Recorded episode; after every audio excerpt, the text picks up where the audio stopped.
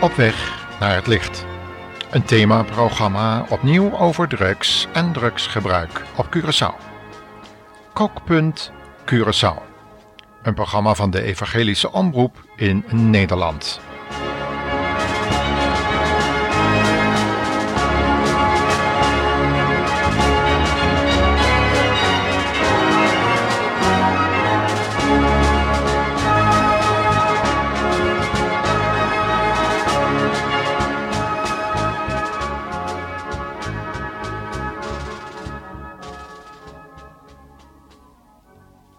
Welkom luisteraar in dit speciale themaprogramma van de stichting Adullam.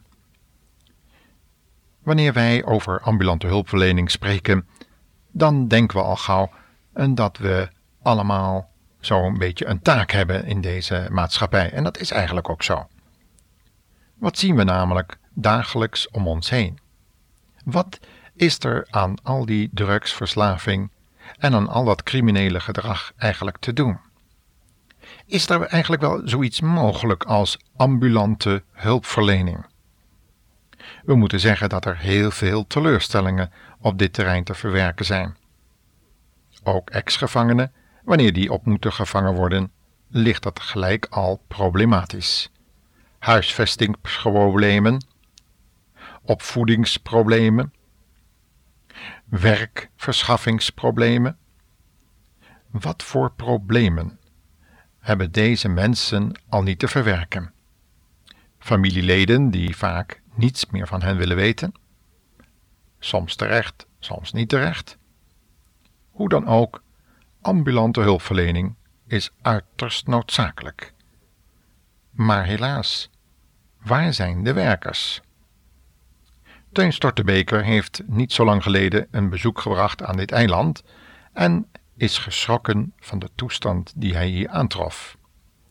Teun is directeur van opvangcentrum De Hoop en heeft nogal wat jaren ervaring in het begeleiden en opvangen van drugsverslaafden.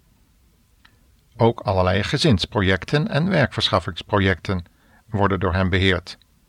En hij vertelde mij persoonlijk dat het uiterst noodzakelijk is dat met name juist hier op de Antillen er met opvang en ambulante hulpverlening ook werkverschaffingsprojecten van de grond komen.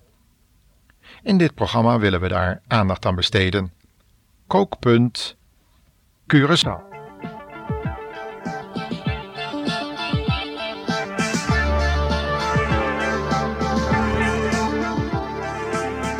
Een wereldstad. Honderdduizenden mensen. Ieder gaat zijn eigen weg. Linksaf of rechtsaf. Talloze beslissingen neemt de mens elke dag. Hij kiest tussen doen en niet doen, ja en nee, spreken en zwijgen, goed en slecht. Een nieuwe dag. Opstaan of nog even blijven liggen. De eerste van een lange reeks beslissingen.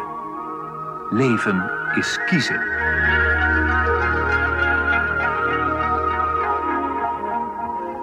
Ik had momenten, dan stak ik die naald in mijn arm en dan dacht ik ieder moment nu uh, kan ik doodgaan, nu uh, kan het verkeerd zijn. En uh, daar was ik bang voor en toen heb ik op een gegeven moment de stap genomen van nu wil ik er echt wat aan gaan doen. Hoop had ik eigenlijk voor mezelf niet erg veel. Want in mijn omgeving zag ik niemand die, die er goed vanaf kwam. Er waren mensen die gingen dan voor twee maanden weg en ze kwamen terug en ze waren weer even verslaafd als eerst. En ook ja, mijn omgeving geloofde er eigenlijk voor mij niet meer zo erg in.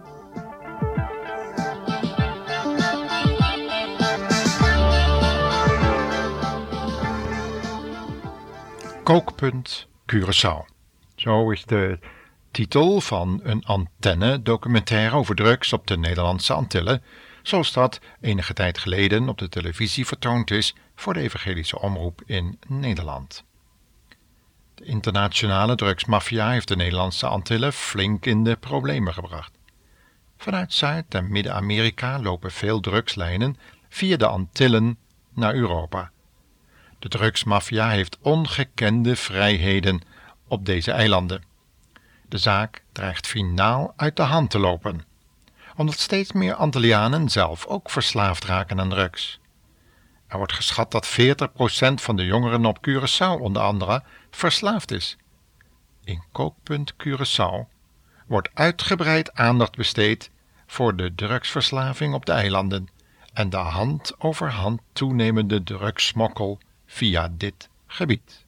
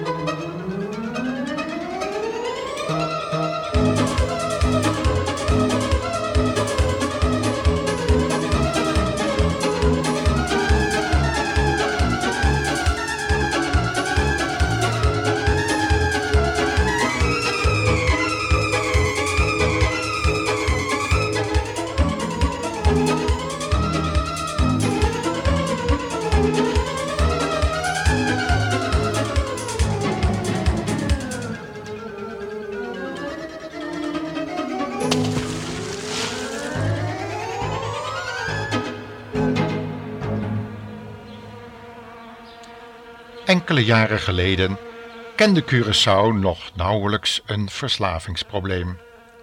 Inmiddels neemt het aantal verslaafden schrikwekkende vormen aan. Op veel plaatsen in Willemstad is de aanwezigheid van drugsverslaafden, soms wel chollers genoemd, een triest straatbeeld geworden. Vooral cocaïne is populair. Programmamaker Willem Moïse van de Evangelische Omroep was voor de productie van deze serieprogramma's enige tijd op het eiland. Hij schrok van wat hij daar aantrof. De hulpverlening aan drugsverslaafden op de eilanden staat nog op een laag peil. Veel aan drugs verslaafde jongeren bevinden zich in kansarme posities. Hun toekomstperspectief ziet er zeer somber uit. Veel verslaafden zijn crimineel, maar waren dat ook al voordat ze verslaafd raakten. Het drugsgebruik veroorzaakt ook een toename van aids. Officier van Justitie, meester David van Delft, constateert dat op Curaçao de jongeren en de samenleving geheel van elkaar vervreemd dreigen te raken. Van Delft. Het wordt tijd om in te grijpen. De politie van Curaçao schat 90% van de gepleegde delicten dat die direct of indirect met drugs te maken hebben.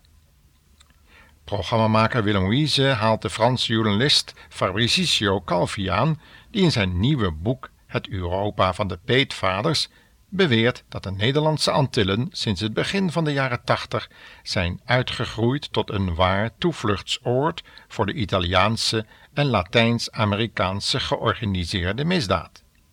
Daarnaast zouden deze eilanden volgens hem als doorvoerhaven dienen voor de internationale drugshandel. Qua ligging leent Curaçao zich heel goed voor zo'n doorvoerhaven. Hoe moet dat probleem nu worden aangepakt? Kan een grotere inzet van onze marine met vergaande bevoegdheden de drugshandel misschien een gevoelige klap toebrengen?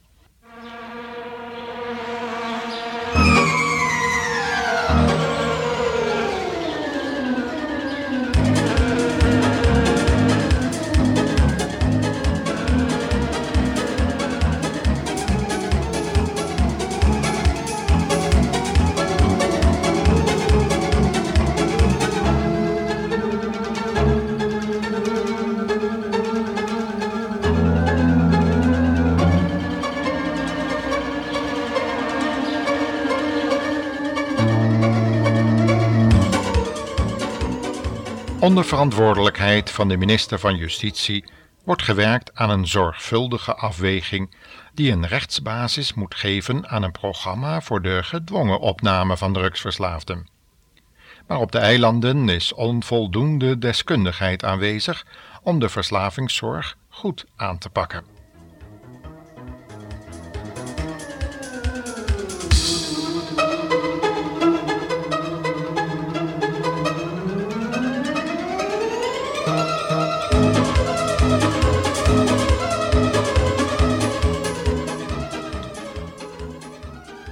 Eind vorig jaar bezocht directeur Teun Stortebeker van opvangcentrum De Hoop uit Dordrecht in Nederland de Nederlandse Antillen.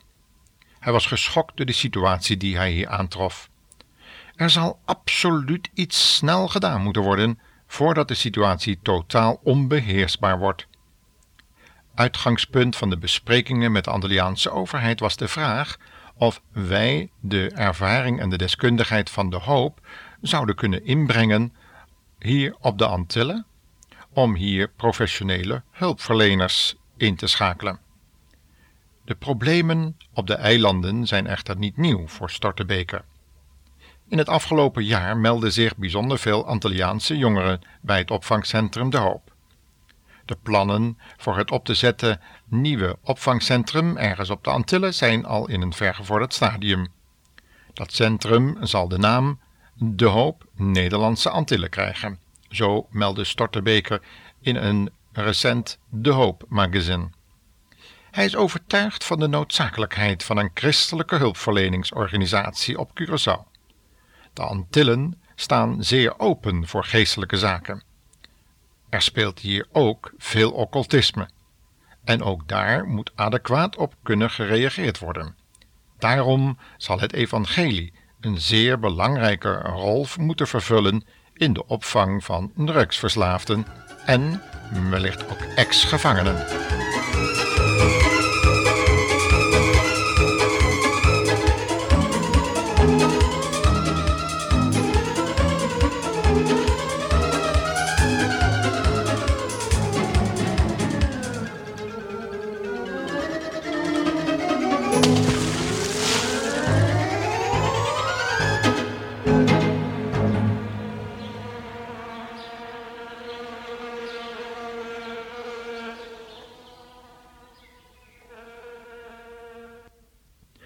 Ook het leven van Jens Hanebek leek in een razend tempo ten onder te gaan.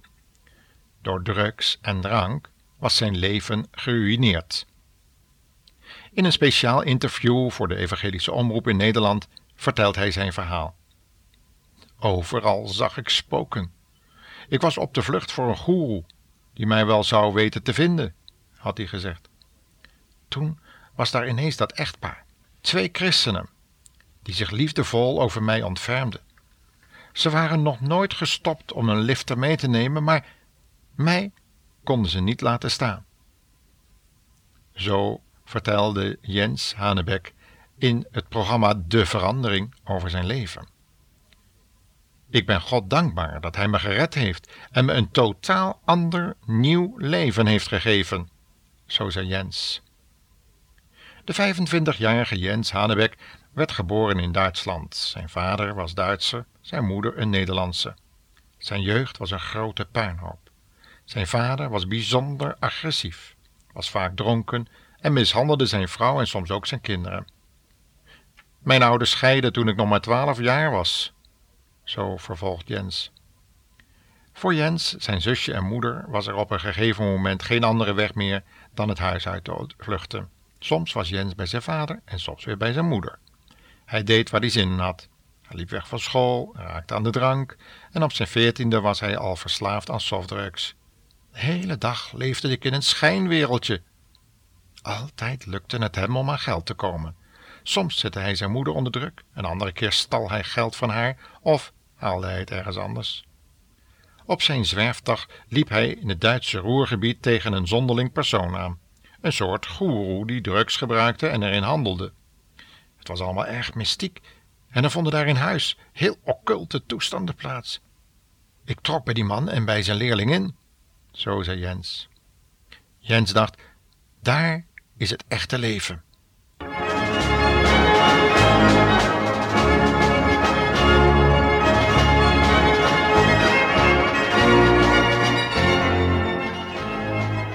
Jens is gered.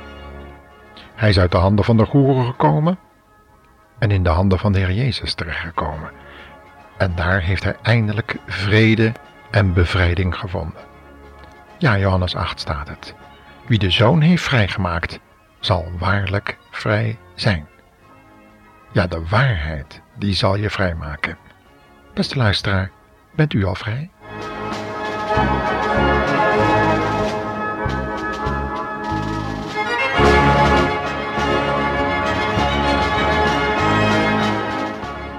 Bon dia, tot de volgende keer.